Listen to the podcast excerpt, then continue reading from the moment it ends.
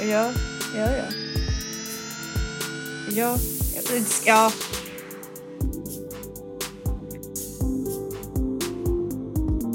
Om det inte blir fel, då har du förmodligen inte lärt dig. För du måste göra ett antal fel för att du ska lyckas. Du måste bearbeta information på flera olika sätt, få erfarenhet och så vidare. Faktum är att ju mer jag flyttat ifrån, desto mer nöjd jag har blivit med mitt liv. Men jag, Ja, det är ju rätt piss ja. när folk går in och mikromanagerar. För normisar har en otrolig behov av att Normisar. fylla tystnaden. Ja, men de, de är ju normisar. Fylla tystnaden. är ju så sårbar.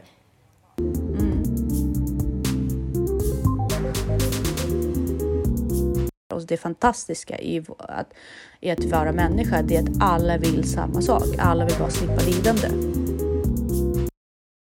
Det blir ju så, för skam är ju...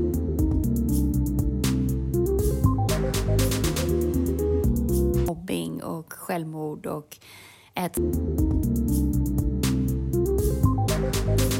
För mig är det en utgångspunkt att han är stark, självsäker och logisk. Men jag ifrågasätter aldrig vad det kostar honom. Jag bara, in, jag bara tror att det är hans natur.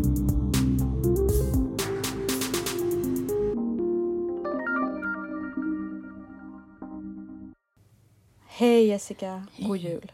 God jul, god fortsättning. Ja, Hur är det? verkligen. Oj, oj, oj, oj. Eh, mycket. Eh, flyttar in i huset, eh, gör, gör rent i huset, städar mycket. Otroligt tacksam för att det faktiskt är över och att jag orkat med. Eh, vi tänkte prata lite om skam idag. Snacka Mm. om det varit skamligt för mig att liksom prata om allt det där. Jaha.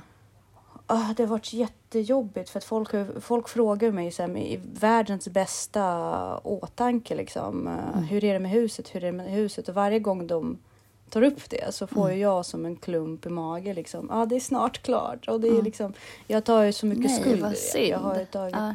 Ja, nej men jag har ju jobbat med mig själv. Jag fattar ju liksom att det inte är... Men det har fortfarande varit tungt på det sättet för att det, jag har ju känt att det har varit eh, mitt fuck up.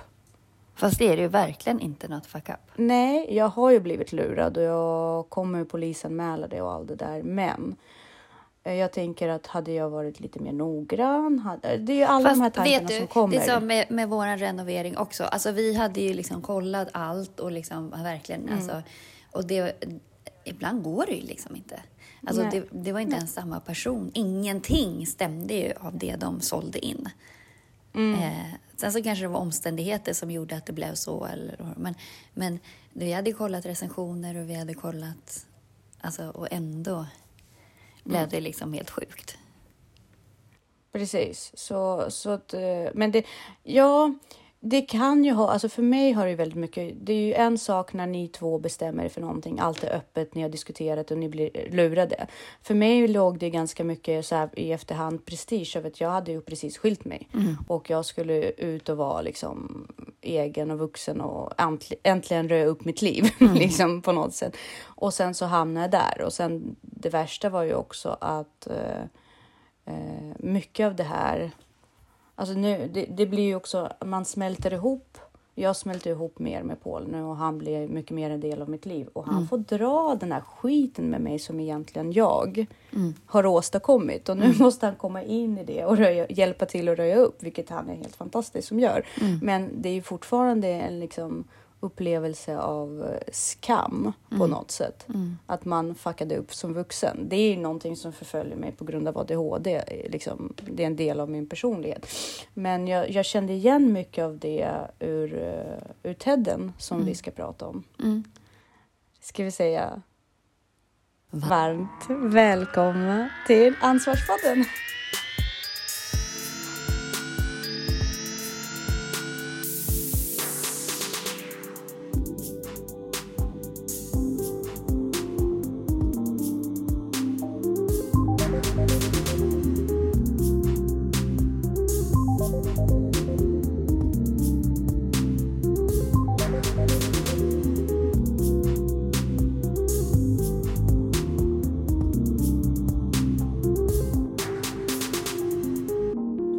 Förresten, på tal om det. Alltså, tre år har vi hållit på nu, va? Eh, vet, ja, fast vet du, jag tror att idag, det här avsnittet är fjärde året. Det, vi börjar fjärde år idag. Ja, tror jag. Åh, herregud. Det är ju helt sanslöst. Och jag måste bara... Gud, vilket bra tillfälle för mig att bara tacka att du har suttit Nej, och... men- Nej, men a, a, du har... Du har... Ja, men jag, vad gör jag? Jag kommer in och jag pratar med dig, vilket jag gärna gör i vilket fall som helst. Du sitter och får det funka tekniskt. Det är du som sitter och pillar ihop det och och liksom se ser till att det funkar och monterar. Så att eh, du gör ju mycket jobb bakom det. För mig är det en timme per vecka. För dig är det ju liksom säkert många fler. Nej, men du kommer ju på massa bra samtalsämnen och sånt också. Ja, jag säger inte att jag inte bidrar, men jag säger bara du gör Jag säger bara tack för det fantastiska eh, arbetet bakom kulisserna som jag ju faktiskt inte har någon aning om. Och fjärde året in i det helt otroligt. Ja, men det är inte så mycket jobb faktiskt. Vad skönt att du säger det. Jag Något som däremot är mycket jobb. Jag sitter och redigerar. Jag förredigerar min ljudbok nu innan jag ska skicka in den för mastering. För Just jag det, litar ju ja. inte på någon så jag måste ju göra allting själv. Liksom. Mm. Det tar tid. Alltså vet du, Ja, det tar det. en timme att redigera knappt 15 minuter. Oj, Ja, helt wow. sjukt. Hur många minuter, har du spelat in allting Mm. nu? Hur många minuter, eh, eller hur, hur lång eh, kommer den vara? Eh, ljudfilen, knappt alltså ljudboken. fyra timmar. Tar du med ett signerat ex till mig också? Absolut. Alltså så roligt, jag fick ett så här, en feedback från en kompis kompis som hade köpt den. Som hade skickat Ja. till henne så bara, nu har jag läst, så här, nu har jag köpt boken så här. Eh, och, och hon hade skrivit så roligt, hon hade bara, och den motsvarade inte alls mina förväntningar. Då blir man ju så här skitledsen, man bara, men gud vad tråkigt att hon var så missnöjd typ. Eh, Ja. Hon bara, jag trodde att den skulle vara bra, men den är så jävla bra. Gud vad roligt! Man bara, men gud.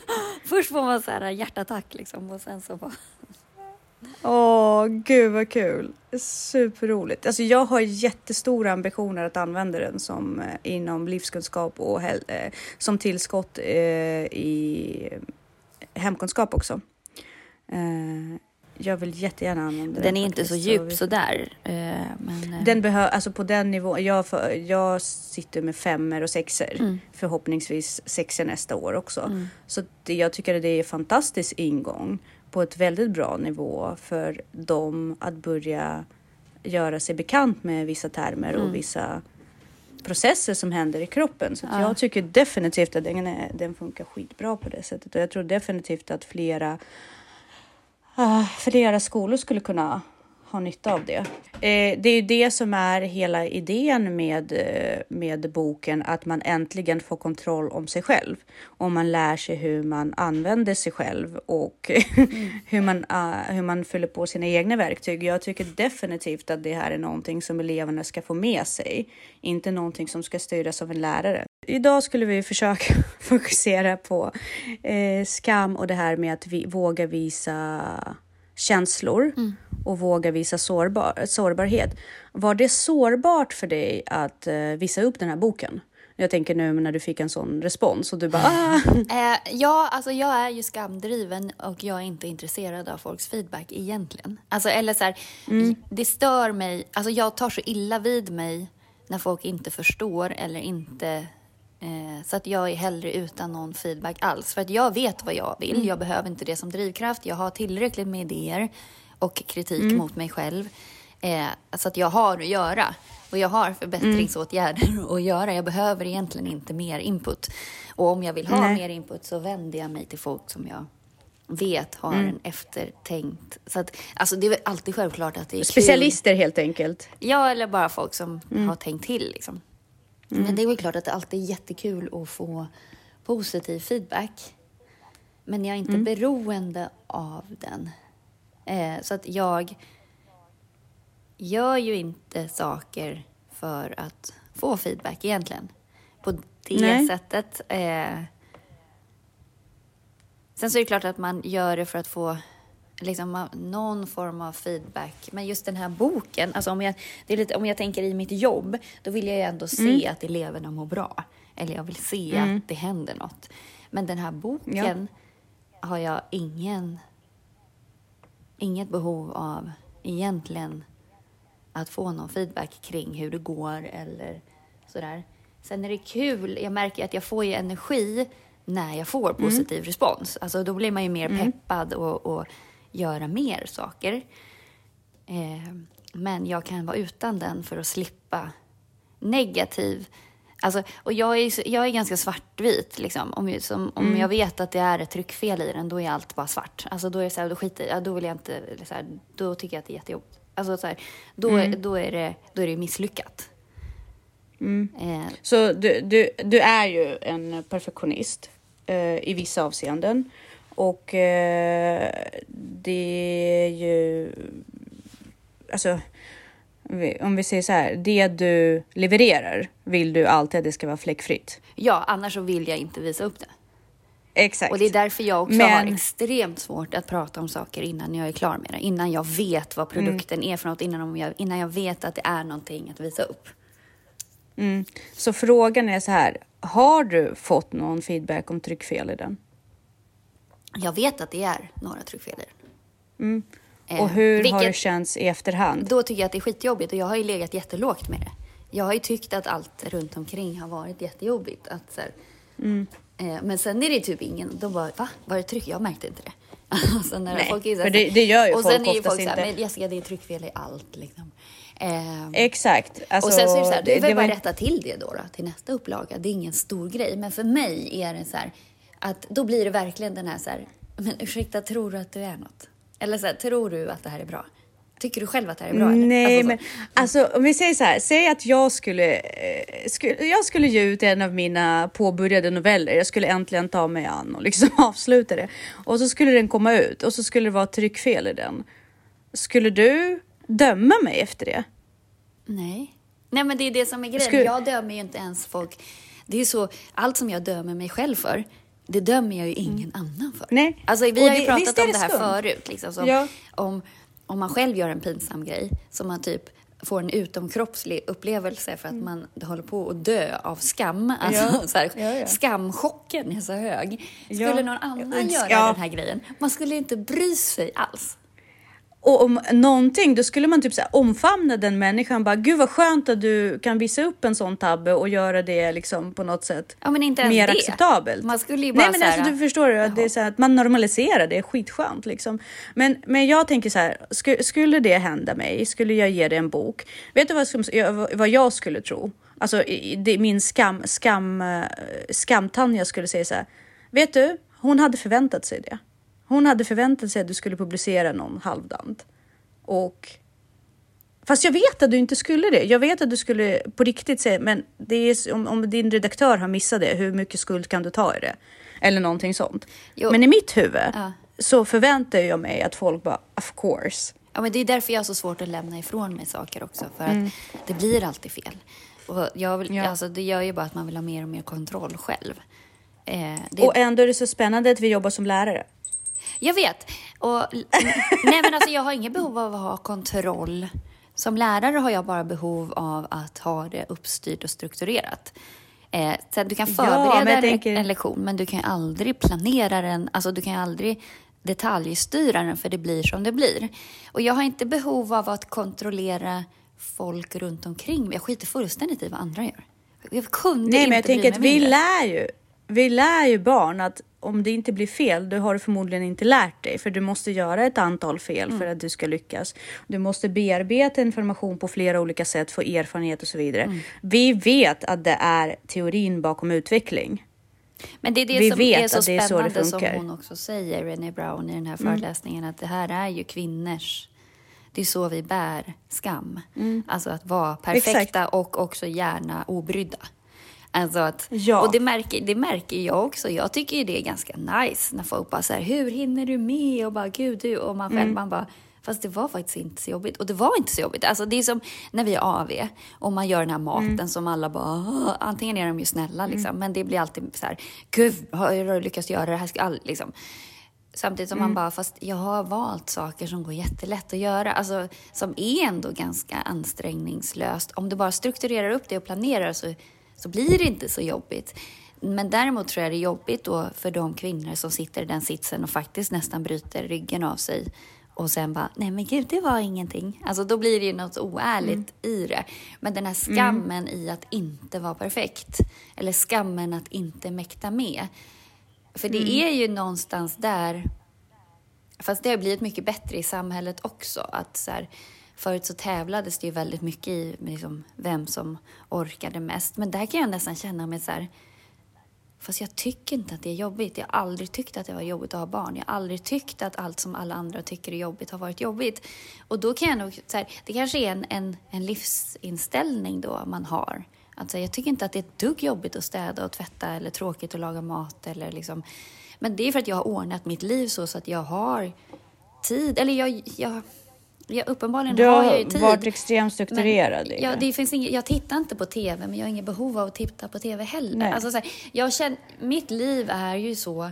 Sen är det kanske lika mycket att jag har valt att välja bort eller liksom... Jag, jag går ju inte och längtar efter saker som jag inte kan nå. Jag går inte och längtar Mm. efter att kunna resa till Seychellerna, liksom, för det finns inte i min sinnesvärld. Då går inte Men jag... nu har du ju varit där, Ja. det är det som är så sjukt. Ja, men precis. Och sen så, sen så har jag en man som är helt fantastisk och liksom förgyller livet. Men jag går ju inte och längtar efter saker jag inte kan få. Vilket gör att det är väldigt mycket som jag prioriterar bort. Och då är det så här, vad ska jag göra istället då? Eh, alltså jag har inget annat jag he- hellre skulle göra än att tvätta just där och då. Eller liksom det är mer så här, Ja. det här är det som står på schemat och är det det jag gör. Samtidigt tycker jag att jag gör ju allt jag vill göra. Men det har jag funderat på mycket själv också. Så här, är- beror det på att jag har prioriterat bort saker för att jag ändå inte kan göra dem? Eller är det genuint att jag har inte så stort behov av att Alltså jag lever så mycket i min introverta tillvaro. Så att, Alltså, jag, det här är en jätteintressant fråga därför att eh, nu har jag ju jag flyttat från Stockholm och jag tycker att det har bara varit positivt. Det enda negativa som har varit är att jag är så långt ifrån min dotter och det bokstavligen bara gror och är jättejobbigt till mig. Men faktum är att ju mer jag flyttat ifrån, desto mer nöjd jag har blivit med mitt liv ju mer jag har strukturerat upp allting efter mina egna behov och slipper hela tiden se andra hålla på, desto bättre mår jag. Det, det, det är att jag tror att det fantastiska i det här är ju att vi behöver inte andra egentligen nej. för att berätta för oss vad vi behöver för att vara lyckliga. Jag blir bara, jag ifrågasätter bara mina livsval. Eventuellt då, alltså rent teoretiskt, när jag får höra det från andra människor. För mig är det jag gör och hur jag lever, det känns väldigt ergonomiskt på något sätt och balanserat och naturligt. Sen så kanske mina föräldrar kommer in och bara men hur kan du vara ifrån och bla bla bla Mm. och då applicerar de någonting helt annat på mig och det vill inte jag ha. Nej, jag vill precis. inte ha det i mitt liv. Jag vill inte ha andras referensramar, du vet Nej. inte hur jag tänker. Jag tyckte att det var extremt jobbigt att ha Elisabeth när hon var liten därför att jag fick inte heller förståelse Nej. för hur mina egna behov. Ja, men jag tror att Eh. oftast är det ju när man tycker att det är jobbigt att ha barn så är det ju för Mm. att ens egna behov eh, krockar med det man Exakt. tror är barnets behov. Men eftersom mina Exakt. barn all, det alltid bara varit utifrån mig. Alltså, så här, Jag har ju bestämt, Mm. Exakt. Mm. för de vet ju ingenting. De har fått hänga på, de har liksom, det, men det, allt har alltid utgått från mina behov på något vis. Och sen har de varit Exakt. inkluderade i det. Men för dem var det ju ingen skillnad att sitta i en vagn när jag var ute och sprang och leka med någon liten leksak än att sitta på golvet och leka med den här leksaken. Alltså, de har ju aldrig knorrat över det. Eller liksom. Sen är det klart, jag har inte tvingat dem att göra saker. Men för dem, mina behov har liksom inte stått i vägen för deras behov på något vis. Nej, och jag tror att det är det som har varit lite så här vänt. Alltså, jag var ju ganska mycket inlåst i en lägenhet eh, med tanke på att vi bodde tre våningar utan hiss. Mm. Det var inte någons fel, det var så det var. Mm. Uh, och uh, jag hade ingen körkort så överallt var det vagn. Först var det ner till källaren, ladda. Så det, det var liksom massa fysiska saker som stod som hinder. Ja, men grejen men när där, jag fick... alltså, att man mm. måste tänka i de här små detaljerna. Jag använde mm. typ aldrig vagnen förutom när jag var ute och sprang. Jag hade dem alltid i sele. För att annars skulle ja. jag inte kunna gå ut och gå med hunden i skogen. Och gå i, ja, på, i stan ja. med en vagn. Mm. Fan vad jobbigt. Alltså så att mm. man liksom får, måste ju också hitta sina vägar. Precis. Och sen så det som hände var att min dåvarande partner försökte underlätta det för mig så vi köpte en bil och vi anpassade allting efter honom. Så jag blev ju beroende. Det var inte hans fel. Det, han gjorde bara det han, han kunde för att hjälpa mig. Mm. Men problemet var ju att istället för att hjälpa mig att frigöra mig mm. så var hans sätt att hjälpa mig var att göra mig beroende och där blev jag väldigt insyltad i situationer där jag kände att allt berövade mig min frihet. Mm. Och jag är väldigt, precis som du, är jag är extremt mån om att vara fri. Mm. Eh, inte i den benämningen att jag ska kunna flytta eller Nej. dra, det är inte det. Men att jag ska kunna få utöva saker på mitt sätt. Mm. Jag tycker det är jättejobbigt eh, att göra saker ihop och det är, det är någonting som är ganska skamligt nu i min situation eller min relation. Liksom för att Eh, på tal om skam och känslor. Jag eh, har ju en fantastisk pojkvän som tycker att allt ska göras ihop yes. för att han vill tillbringa tid med mig. Mm. Ha, han ser det som kvalitetstid att göra saker tillsammans. Mm. Jag ser det, alltså för mig blir det fysiskt påfrestande och mm. psykiskt påfrestande. Gud, ja. Jag känner mig som en fälla och här har vi ju hamnat nu i en eh, diskussion därför att jag var tvungen att öppna upp mig och vara sårbar och bara säga det till honom. Alltså, jag vill. Jag vill eh, dra ett ragblad i, på mina handleder när jag tvingas att sitta med dig och vika tvätt. Liksom. Det, det, det gör ont i mig. Uh. Alltså fysiskt. Jag, jag tappar helt äh, dopaminpåslag. Men kan du vika tvätt bara... själv? Ja, men jag känner så här, om jag viker tvätt och du dammsuger lite fort så kan vi mysa och göra något vettigt kvalitets ihop. Mm. Men då kommer han med det här kontraargumentet. Men ska inte det vara roligt att göra hushållssaker tillsammans? Är inte det det som är kvalitet i en men relation? Men det där är nog också för jag blir allmänt nervös om om jag är i köket till exempel och så kommer Danne in mm. och ska... Eller fast det här har vi pratat om tidigare också. Jag blir, ja, ja. Jag blir nervös när folk håller på att börja... Okej okay, om du vet vad du ska göra. Så här. Jag gör sallad mm. och så gör jag det. Och liksom, men håller mm. på och ställer 18 000 frågor. Eller ja. ska, ska liksom börja... Eh, gör... Ifrågasätta en struktur som funkar. Eller börja göra Varför? det som jag gör och börja ja, pilla med det jag håller på med. För då måste jag inviga den personen i vad jag håller på med. Jag orkar inte det. Men då, och där, precis, och där har jag liksom, där har jag ju insett att jag har ju alltid, jag, äh, jag har försökt att klura ut om jag till min natur är en alfa eller en beta. Äh, för att jag kan vara beta, mm. jättelätt, om jag har bra styrning och ledning. Mm. Äh, och jag kan definitivt vara en alfa. Men då har jag läst på att det finns något som heter sigma. Mm. Och det har jag blivit mer och mer med åren, vilket innebär att jag kommer aldrig kompromissa bort min frihet i att göra saker som jag vill. Då är jag hellre ifrån folk. Men är inte det bara att vara en individualist? Alltså jag vet, som personlighetstyp så heter det. Ja, ja, jag tycker det. Jag tycker att jag vill bara vara... Eh, det, det, ska krävas väldigt mycket för att jag ska kompromissa bort min personliga komfort. Uh uh, av att göra saker på mitt sätt. Mm. Jag, jag värderar det väldigt högt. Mm. För mig är det en fråga om integritet liksom på något sätt. Det har blivit det att jag vill inte. Nej. Nej, men det, så, så, tror jag också. Ja. Det är som i början av min relation med Danne så var han så här, men du säger inte vad du tycker. Mm. Jag bara, jo, jag säger när, vad jag tycker när det spelar någon roll. Eller för så här, det spelar ja, ingen roll för dig. Jo, när det verkligen spelar roll, då kommer du få veta ja. det. För då kommer inte jag vika med en tum. Sen så vet jag inte var mm. du kommer ifrån. Om du kommer från en relation där man bråkar om allt eller om det ska liksom, mm. man är inne och mikromanagerar. Mm. Eh, men jag... Mig kvittar det ganska ofta. Mm. Men sen finns det mm. punkter där det verkligen inte kvittar. Och då är inte jag kompromissbar. Nej. Precis. Och då, för då förväntar Och- jag mig också att jag får som jag vill eftersom jag inte har tjafsat om någonting annat. Om allt annat. Exakt. Ja men eller hur, det är det. Man väljer sina strider. Som till exempel, nu, nu, skulle vi, nu är huset färdigt och jag vill absolut inte ha en TV. Nej. Jag vill inte det. Jag vill inte äga det. Jag kan nöja mig med en liten dataskärm om man skulle vilja titta på en film ihop. Jag avskyr tv-apparater överhuvudtaget. Det är en grej. Jag tycker de känns onaturliga. Okej, visst. Men sen är det en fråga så här. Min pojkvän, han, det är hans första hushåll utanför sitt hem för han är ganska ung och sådär. Han har alltid velat ha en trevlig tv-upplevelse. Men det är så här killar. Jag avskyr det. Ja, exakt. Men på något sätt så måste jag ändå säga, men jag fattar ju grejen. Det är klart människan måste få en tv i sitt liv. Alltså, det är ju för mycket begärt att min livsstil, eller så här, min åskådning ska liksom på något sätt... Ja, men du har ju inte bara vanlig tv, det är en 77-tummare eller någonting sånt.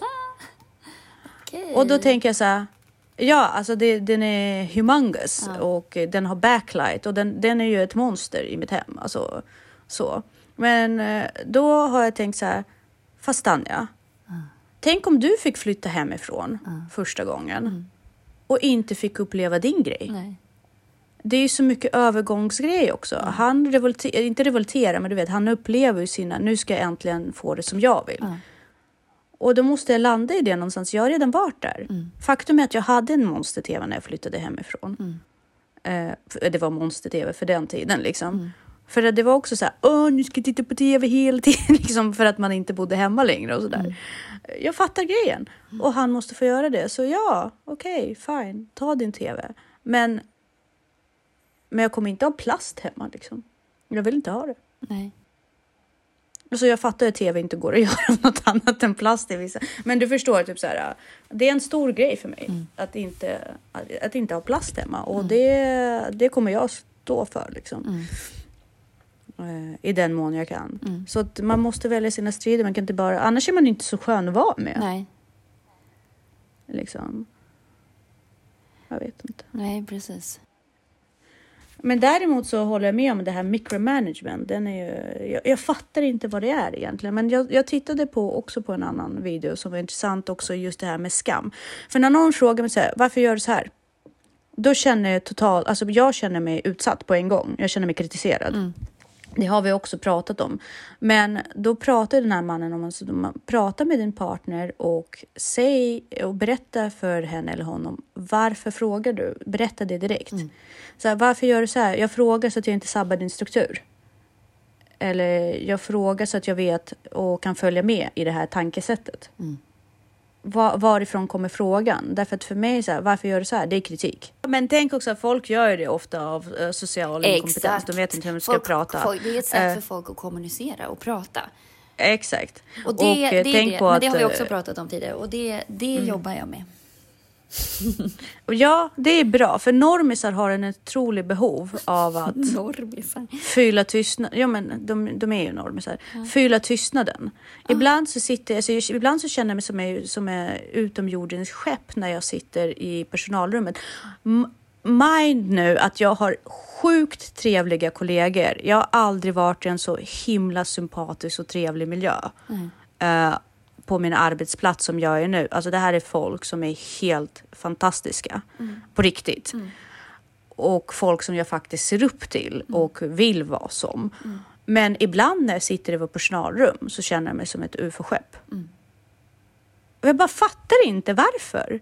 Fast sen förstår jag också, man kan inte bara sitta där och vara tyst och vara content med det. Eller jag kan. Men det verkar som att det är en grej för dem att connecta genom att liksom föra de här lite smått meningslösa samtal. För jag sitter hellre och diskuterar, det, det har ju du och jag också pratat, jag går hellre in på nitty gritty liksom. Jag vill hellre gå in, om jag nu ska umgås, det är så här existentiellt, men sen också, är man dränerad efteråt? Ja. Är de dränerade efteråt? Nej. Nej. Nej. Så vi dränerar oss själva också genom att vi har de här intensiva samtal. Mm. Fast på något sätt, man orkar inte ha samtal annars.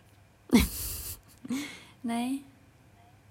Det måste vara dopaminpåslag i samtalet. Ja, ja, men det måste det ju. Sitta och småprata, fan vad tråkigt. om ingenting. Nej. Då vill man ju. Nej, men jag tror att det, Men- det är det som stör mig. Jo, för att jag tar, ju, jag tar det ju som... Antingen så tar jag ju saker som kritik när folk frågar, Mm. vilket ligger hos mig. Alltså för att i min värld är det Ja. så, i och med att jag är så himla så rationell och praktisk, och i min värld är det så Mm. att du kommenterar inte någonting om det inte är fara och Om det färde. inte ska för att förändras. Jag själv skulle Precis. aldrig göra det för att jag antar att folk har koll eller folk gör som de Mm. alltså, Jag själv har inget behov av att propsa på andra mina tankar. Om det inte är så att det är en diskussion så här, nu ska vi bygga en brygga, Mm. hur ska vi göra det här på bästa sätt? Eh, men om, om. Danne står och lagar mat så tror jag inte att jag skulle... Ifrågasätta. Jo, men det är jag skulle jag också- ifrågasätta om han gör någonting som han har ifrågasatt mig till. Vi säger att han steker köttet så att det börjar koka. Och så Ja. har han kritiserat mig för det någon gång. Då skulle jag nog Ja. kommentera det. Jag känner mig som ett as när jag gör det. Jo, men det är ju bara för att det ligger kvar. Alltså det är ju en annan grej. Det är en konfliktbas. Det är någonting som har gjort dig ledsen och ni har inte pratat ut om det ordentligt. Och du vet, det, det är en annan grej. Det är inte för att du faktiskt vill veta. Nej. Utan det här är faktiskt för att det ska vara rättvist. Det är Jag en vill veta väldigt lite om andra människor. Oftast kan man ju räkna ut själv varför de gör som de gör. Och så. Ja, och jag kan ju. Jag tror att det är också en av anledningarna till varför det gick, alltså varför jag blev. Det blev så lätt att lura mig i det här byggprojektet för att jag tänker så här. Om någon ber mig om någonting Mm. och jag kan det, då gör jag det. Om någon ber mig om det och jag inte kan det, då gör jag inte det. Mm. Och det var samma sak. Varför kontrollerade inte du din arbetare bättre?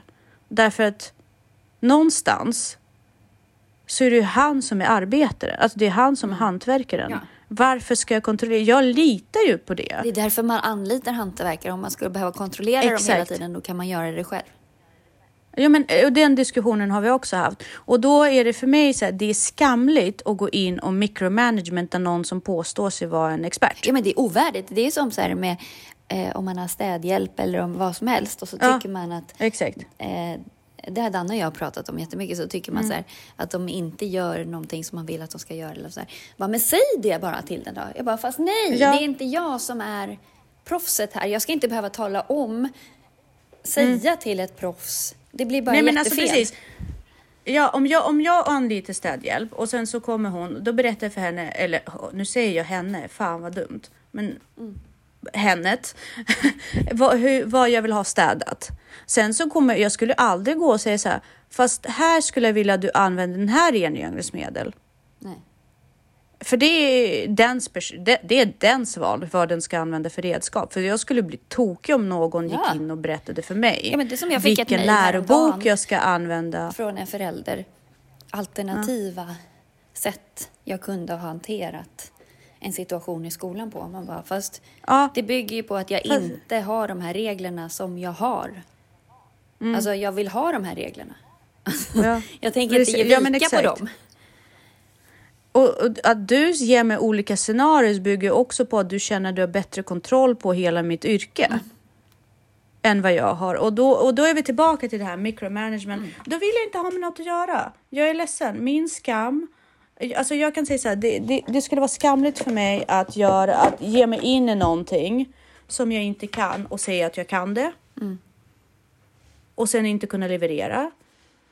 Jag, jag kan säga så här, jag, jag vet inte hur man gör, jag, jag tycker det är roligt, jag kan lära mig, jag kan försöka.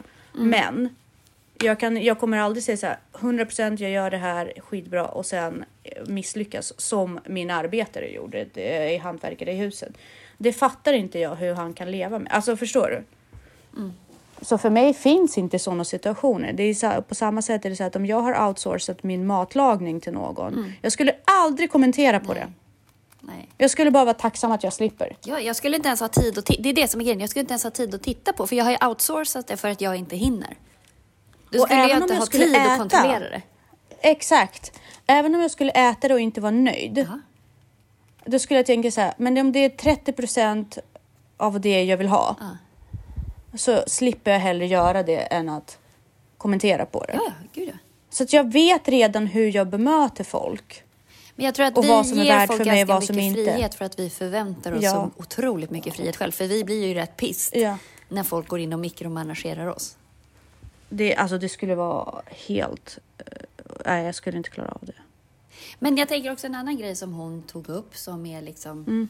det här med att, att, att sårbarhet inte är en svaghet.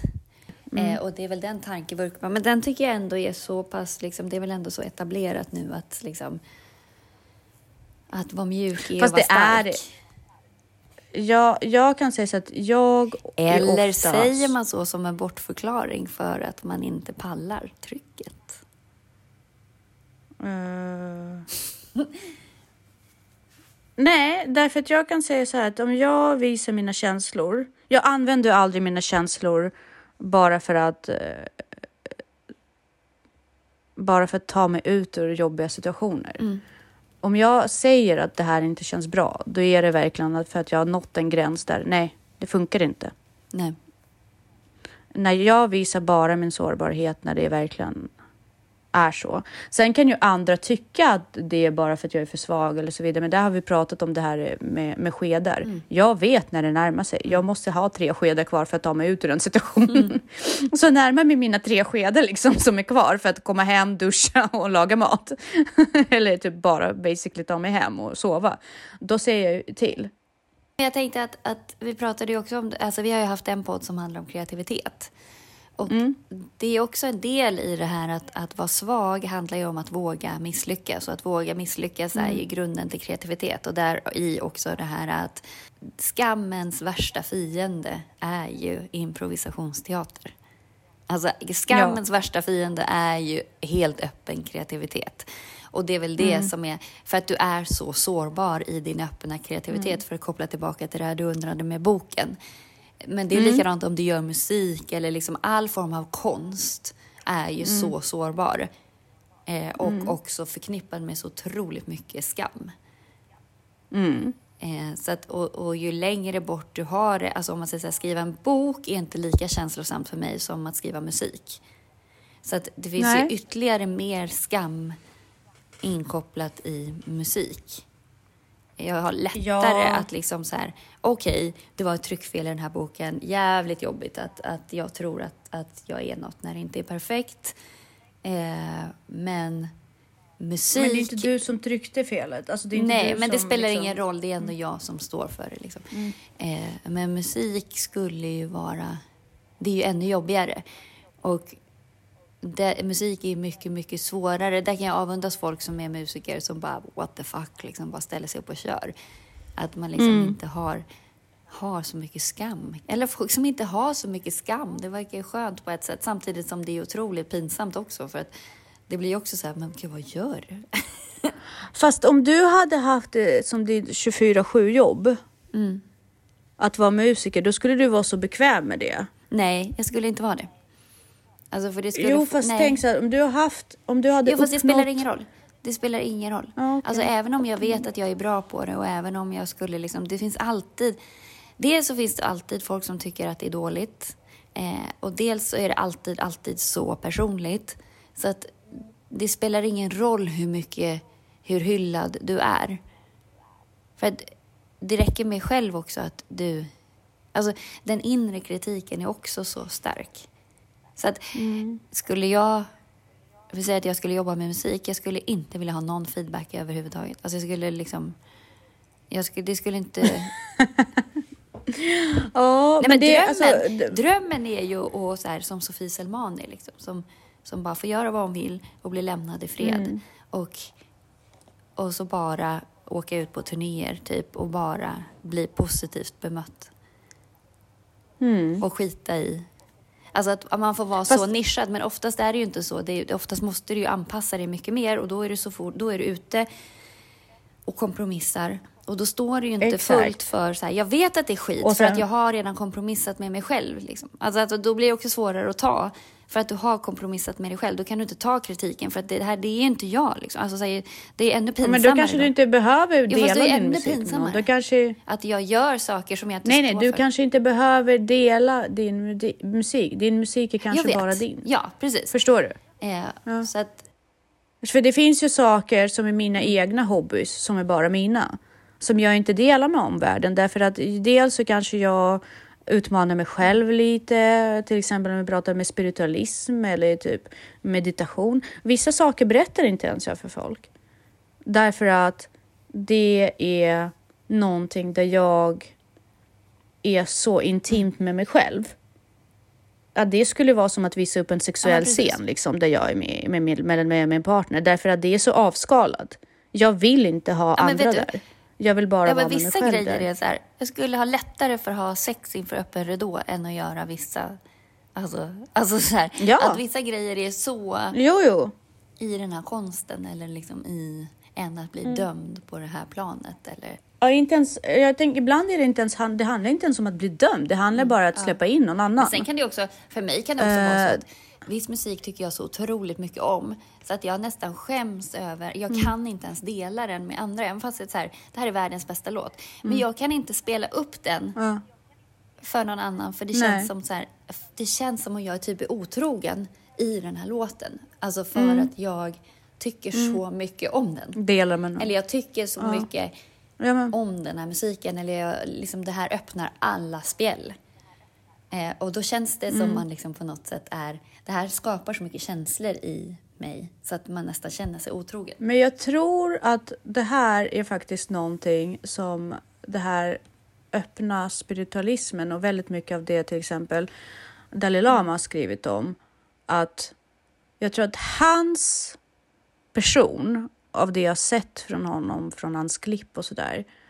Han är så medveten om vad det är att vara människa. Att han bär det på sin utsida på ett sätt som lyfter upp andra som tror att mänskligheten är någonting, alltså någonting annat. Alltså jag tänker allt vi gör, allt vi känner, allt vi tycker är ju egentligen massproducerat. Det är ingenting, vi har ju inte några egna tankar. Inga egna känslor. Allting har ju känts av någon annan. Det är inte, vi kan inte ha patent på det. Men att vi själva tror att vi är så pass individuella och är speciella och exklusiva gör ju att vi inte vågar visa upp det. Men han bemöter nu blev det väldigt existen- existentiellt, men han bemöter all det här på ett sätt som med sån acceptans.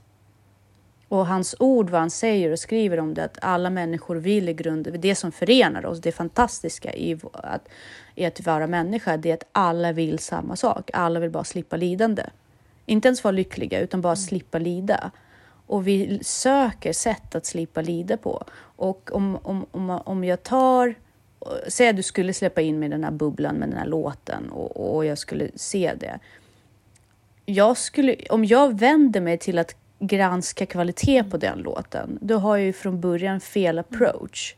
Jag måste ju bara se det som ett sätt för dig att slippa lidande. Och se det vackra i det. Inte vara åskådare av din produkt.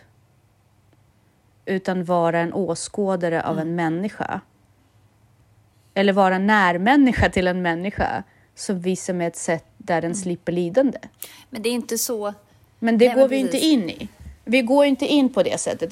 Det är det som är problematiskt, att människor, vi går in och kollar på produkten. Det ska vi inte göra om vi bemöter allting på ett sätt, särskilt om det är just de här känslomässiga sakerna. Man måste veta, det är självklart att om mina elever lämnar in noveller som är skit, liksom, eller, men du förstår vad jag menar, där man ser att de inte har jobbat. Då är det inte på det sättet jag granskar det, för jag lär dem ett verktyg eller någonting sånt.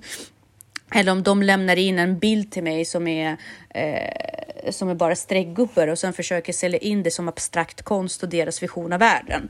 Då kommer jag ju såga dem direkt liksom, och säga att nej du, det finns, det, det når inte de kriterier. Men om jag har medmänsklig kommunikation med en av mina elever där vi pratar om någonting annat där en elev försöker öppna upp sig nya sätt att se på världen, då kan inte jag granska den produkten. Nej, och, Då jag måste jag... hon sa det väldigt fint, liksom att livet handlar om att våga stort. Alltså daring greatly. Och eh, att jo. våga vara på den här eh, arenan och stå och falla med det på något vis. Och, och ja, att den här, och skammen för kvinnor är ju en sak, det är ju den här att inte räcka till och, och så. Skam för män är ju att vara svag. Men det är oftast kvinnor Exakt. som driver på, som dömer män hårdast för att de är svaga. Medans det Och det är kvinnor som också dömer kvinnor för att de Mm. inte pallar trycket. Mm. Alltså så kvinnor är ju Exakt. den skam, skammens ryttare på något vis. Ja, därför att det, det, hon pra, det hon sa om män var väldigt Mm. slående för mig. Jag har aldrig tänkt på det. Jag har alltid tagit för givet att män är starka. Nej, men samtidigt jobbar man ju mycket med det här. Det är ju så otroligt fint med män som är... Det sexigaste är ju män som talar som kvinnor. Återigen för att återgå till musiken. Alltså det finns ju inga artister som når mig så mycket som män som gör låtar som jag själv hade kunnat gjort. Alltså förstår du? Alltså när män talar till mig på mitt språk. Förstår du? Jag förstår exakt vad du menar, men jag är radikalt annorlunda där. Det är det som blev så himla stor epiphany för mig. Alltså på ett sätt ja, men på ett sätt inte. Eh, därför att jag såg inte det. Jag tänker att jag har ju på något sätt alltid förväntat mig att mannen ska ha logiken, styrkan, eh, styrkan, logiken och eh, bestämmelse. Liksom, han ska grunda mig. Mm. Jo, men det är klart att det finns en sån skydd. Så jag tror att det det är det som är så himla fint med Danne också, som, är så här, som jag tycker är unik med honom. Att han har den här äh, tävlingsgrejen och den här, äh, han har den här äh, styrkan eller eh, liksom manliga sidan samtidigt som han har ju en, ett intresse för människor och för, en förståelse för känslor och så. Också han har ju den kombon.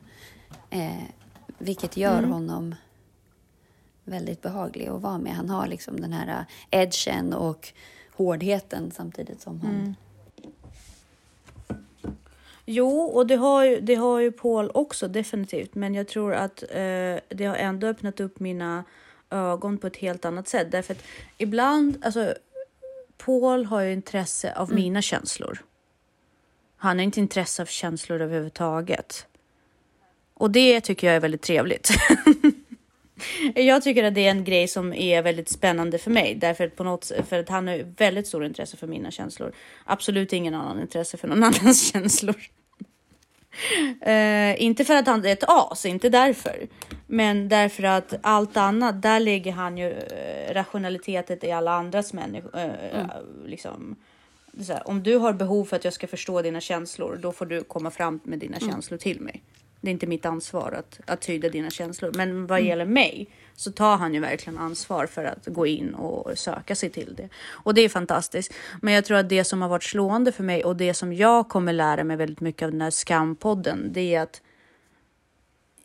för mig är det en utgångspunkt att han är stark, självsäker och logisk. Men jag ifrågasätter aldrig vad det kostar honom. Jag bara, in, jag bara tror att det är hans natur. Förstår du hur jag tänker? Men jag tycker också det är intressant det här med att empati är anti... The antidote to shame. Ja. Och det är ju det som jag menade lite grann med Dalai Lama.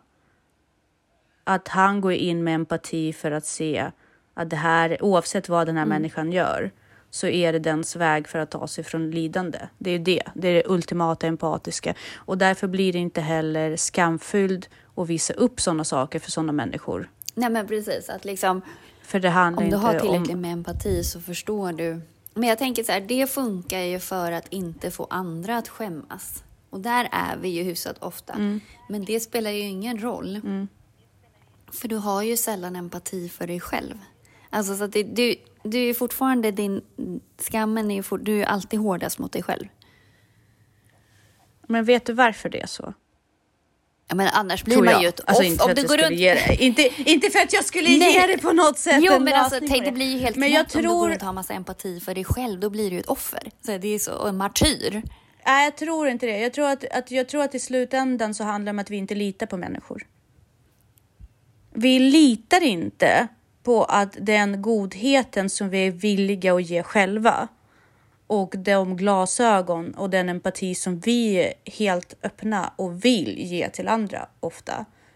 Att vi, vi litar inte på att vi Fast kan få jag, tillbaka det. Jag känner Och jag tror att vi måste jobba Jag med känner verkligen att folk är så himla snälla mot mig och liksom det, alltså folk är mycket snällare, alltså, men det, för mig spelar det ingen roll. Alltså, för jag skiter i vad ni tycker. Jag skiter i att, att du tycker att jag gjorde det där bra eller liksom så. För att jag tycker inte det. Nej, för du vet att det kommer komma någon och, så, och hugger dig. Och det är därför du väljer att hugga Nej, men det dig spelar själv. ingen roll om, om alla säger att jag är på det. fantastisk. Om jag vet att jag inte är det Nej, så spelar men det... det- ingen roll. För att, alltså det, jag, är inte, jag känner, alltså det är, inte, det är inte en rädsla för att Att någon annan ska hugga dig. Nej, utan det är för att jag vill ändå vara bättre än så. Alltså jag tycker inte att jag håller måttet i den här situationen. Bara för att jag, för mig Mm. hjälper det till exempel inte heller den här klassiska om man säger att man har, känner någonting eller har ett problem och så säger någon så här, men alla känner så där. Jag skiter i att alla känner Nej, så nej, här. det, det, ja, Eller jag skiter det, i att ingen det har klarat det här. om. Jag ska fan göra det. Eller liksom, alltså för mig spelar ingen roll vad alla andra gör eller vad den. Jag har min egen norm och mina egna liksom. Och når inte jag dit så är jag missnöjd. Jag kan säga så här, när jag växte upp, det här är intressant för varför, jag, varför vi tycker olika där, tror jag. Därför att jag, jag är ju helt säker på att det kommer komma någon som kommer hugga mig. Och det är därför jag letar på mina egna fel. Därför att jag vill veta vart jag är sårbar. Och jag skäms om jag hittar den sårbarheten därför att då vet jag att jag är eh, att jag inte kommer kunna försvara mig. Eh, för att när jag var liten, jag har alltid varit rätt duktig på att rita och så där, har alltid fått till mig det ganska tidigt. Eh, jag tycker ju själv att jag målar och ritar rätt medelmåtta, men medelmåtta Ja. på skol, eh, skolnivå är ändå Ja. rätt bra liksom så. Eh, Sen när man kommer ut och träffar de stora konstnärer så kanske man är verkligen väldigt mycket under, men, men så. Eh, oavsett vilket, men jag tog aldrig hem mina teckningar. Nej. För jag visste att även om mina fröknar skulle hänga upp det och alla sa att det var bra, jag skulle ta det till min farsa och han skulle hitta någonting som var dåligt med det. Och han skulle peka ut det direkt. Och det, så, samma, samma gör Paul. Nej, jag tror inte att det handlar om svartsjuka. Jag tror att det handlar om att han, vi, han tänker så här, om du vill kalla dig Mm. för konstnär.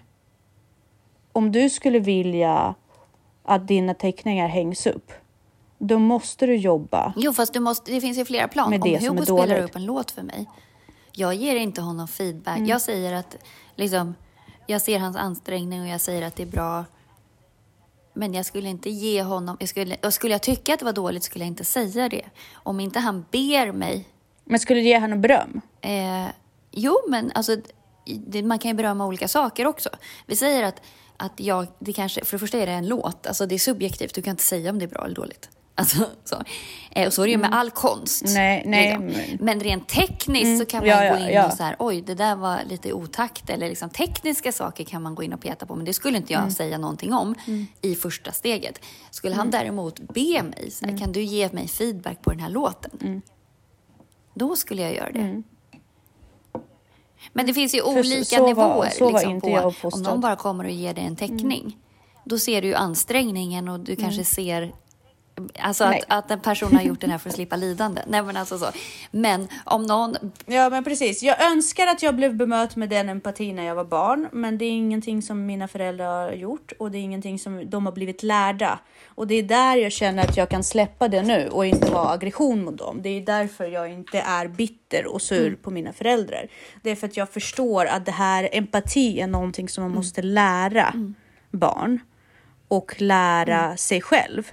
Därför att jag har saknat jag, jag har inte varit elak, men empati är någonting annat. Empati är någonting som man måste lära sig och Precis. visa. Och finns empatin så finns inte, då försvinner ju skammen. Och där kan jag ändå känna mig ganska lycklig. Hugo kommer ner och han sjunger ju rakt ut. Liksom, och så här. Jag skulle aldrig våga göra det i hans ålder. Alltså, jag skulle aldrig våga blotta mig. Och då kan jag ändå känna så här, han känner, någonstans känner han nog sån trygghet att han inte skäms. Och det är ju skammen som har satt stopp Mm. För mig i hela den resan. Att jag liksom inte har vågat. Mm. Har du, Så. ja men har du då blivit icke-empatiskt bemött? Ja, alltså, eh, fast i, under min uppväxt, alltså bland mina jämlikar i min klass och i min liksom att, att allt... Det tror jag att om du växer upp i ett relativt, liksom, väldigt dömande klimat som det är i... Ja, det är väl så på Lidingö generellt. Liksom, att så här, du ska inte tro att du är något. Alltså det som hon pratar om också, att så här, skammens två största drivkrafter, eller om man ska säga, att, att det handlar ju liksom om att... Så här, vem tror du att du är och du kommer aldrig bli tillräckligt bra? Jag är uppväxt med den kulturen, inte från min familj. Men från alla andra Mm, för jag är uppväxt med det omkring. från min familj. Alltså, för mig var det ju en chock att börja skolan. För att jag ändå, mina föräldrar har ändå varit så här, gud du är så duktig och du så här. Och så kommer man ut i verkligheten och bara, Mm. men jag suger ju säger ju alla här. Fast jag trodde att jag var bra. Ja, det är ju tvärtom. Det var tvärtom för mig. Jag kom ju ut ur min familj och folk bara, gud vad du är bra. Och jag säger, va? Ni, ni, ni luras. Så eh, det, och jag tror att det är därför jag fortfarande har väldigt svårt för öppna frågor. Därför att för mig är en öppen fråga, det kommer alltid med någonting därefter. Jag, jag har svårt för öppna frågor som ställs att så här, nu lägger jag över ansvaret på den här konversationen på dig. Men en öppen fråga av genuint intresse är ju smickrande. Mm. Ja, precis. Och det är där man måste gå in och eh, tror att lära sig sina svagheter. Därför att jag har ju haft det mycket lättare att prata genuint med dig till exempel. För jag vet att dina frågor är, är oftast genuina. Du ställer ju typ aldrig frågor bara för att. Men när det handlar om många andra konversationer så handlar det om prestation. Och därför måste jag hela tiden tänka på att svara, inte bara vad jag känner, utan på ett korrekt sätt. Bygga någonting som förväntas. Därför att det är så jag har blivit uppfostrad. Och det gjorde jag därför att hela Ryssland var en sån, alltså hela Ukraina, Sovjetunionen var en sån miljö där man förberedde barnen på attack. Nej. Det var ingen lugn nation liksom. Och det är därför jag känner att jag kan inte hålla mina Nej, föräldrar ansvariga att, för det. Det blir ju så, för skam är ju För de har korrelerat med beroende och depression och våld och aggression och eh, mobbing och självmord och ätstörningar. Alltså, eh, om man tar som självmord, enda anledningen till att man tar livet av sig är ju skam. Plockar du bort skam ur någons depression Ja. eller skam, då finns Ja, inte gud, ja. alternativet att ta livet av sig. Det är ju bara drivet av skam. Nej. Ja. Ofta så men känner man att man är så en- stor en, Att man är börda. misslyckande, Ja. att man skäms över vem man Och- är. Man skäms över att man inte pallar trycket eller att man är deprimerad eller att man Mm. inte var lika bra som de andra eller att man inte levererade. Mm. Ja, men precis. Och det är ju Mm. exakt så jag har blivit uppfostrad. Jag har aldrig gjort någonting som inte bemöttes av någon form Och då kan man ju ge kritik på olika saker. Alltså, jag älskar dig, men det här. Ja, alltså jo, men det, är inte det, det var inte det. Det var att varje sak som man delade med andra människor skulle man vara beredd på att försvara. Och det enda sättet som det var försvarsbart, det var en perfektion. Det var det inte fanns något att visa på. Det var ju samma, på samma sätt visade man ju, sätter man betyg i Ryssland också. Alla fick en femma från början. Och sen plockade man bort poäng för varje gång man det inte lyckades försvara den det femman. också, tycker jag. Nej, jag Så- vet inte. Ah, Jag vet inte. Mm. Men det är ett sätt där man är hela tiden beredd på angrepp. Jag tycker inte att man ska hela tiden eh, leva i försvarsläge. Eller inte angrepp, man kan också se det som att man liksom är beredd på utveckla, att man liksom vill utvecklas så att man är beredd att sträva högre. Eh, beredd att sträva högre, ja. Men det, alltså det, man, man måste ju se utveckling, inte fall. För att varje projekt man levererar blir ju som ett fall. Om man inte levererar. Man kan aldrig, Förvänt- man går alltid ner från trappan. Ja, exakt. Man går alltid ner från trappan, aldrig upp för trappan. Förstår du? Och det, till slut blir det här sättet att man orkar inte. Eller så blir allting väldigt mekaniskt och själslöst och man, man gräver in sig själv i sitt inre och så visar man inga känslor. Och många människor som kommer från post-sovjetisk miljö är ju väldigt hårda utåt. Det är mycket sarkasm. Det är Men mycket... det är väl det är hela problematiken i Putins beteende nu. Ja. Ja, jo, men jag tänker att man, om man gräver upp allt det här, hela den här, så är mycket bygger ju i den mentaliteten handlar ju väldigt mycket om försvar och skam. Och vilket... Ja. Gud vad vi har snackat och snackat idag. Mm. Det gör vi. Det blir jättemysigt. Så gott nytt år. och vi ses.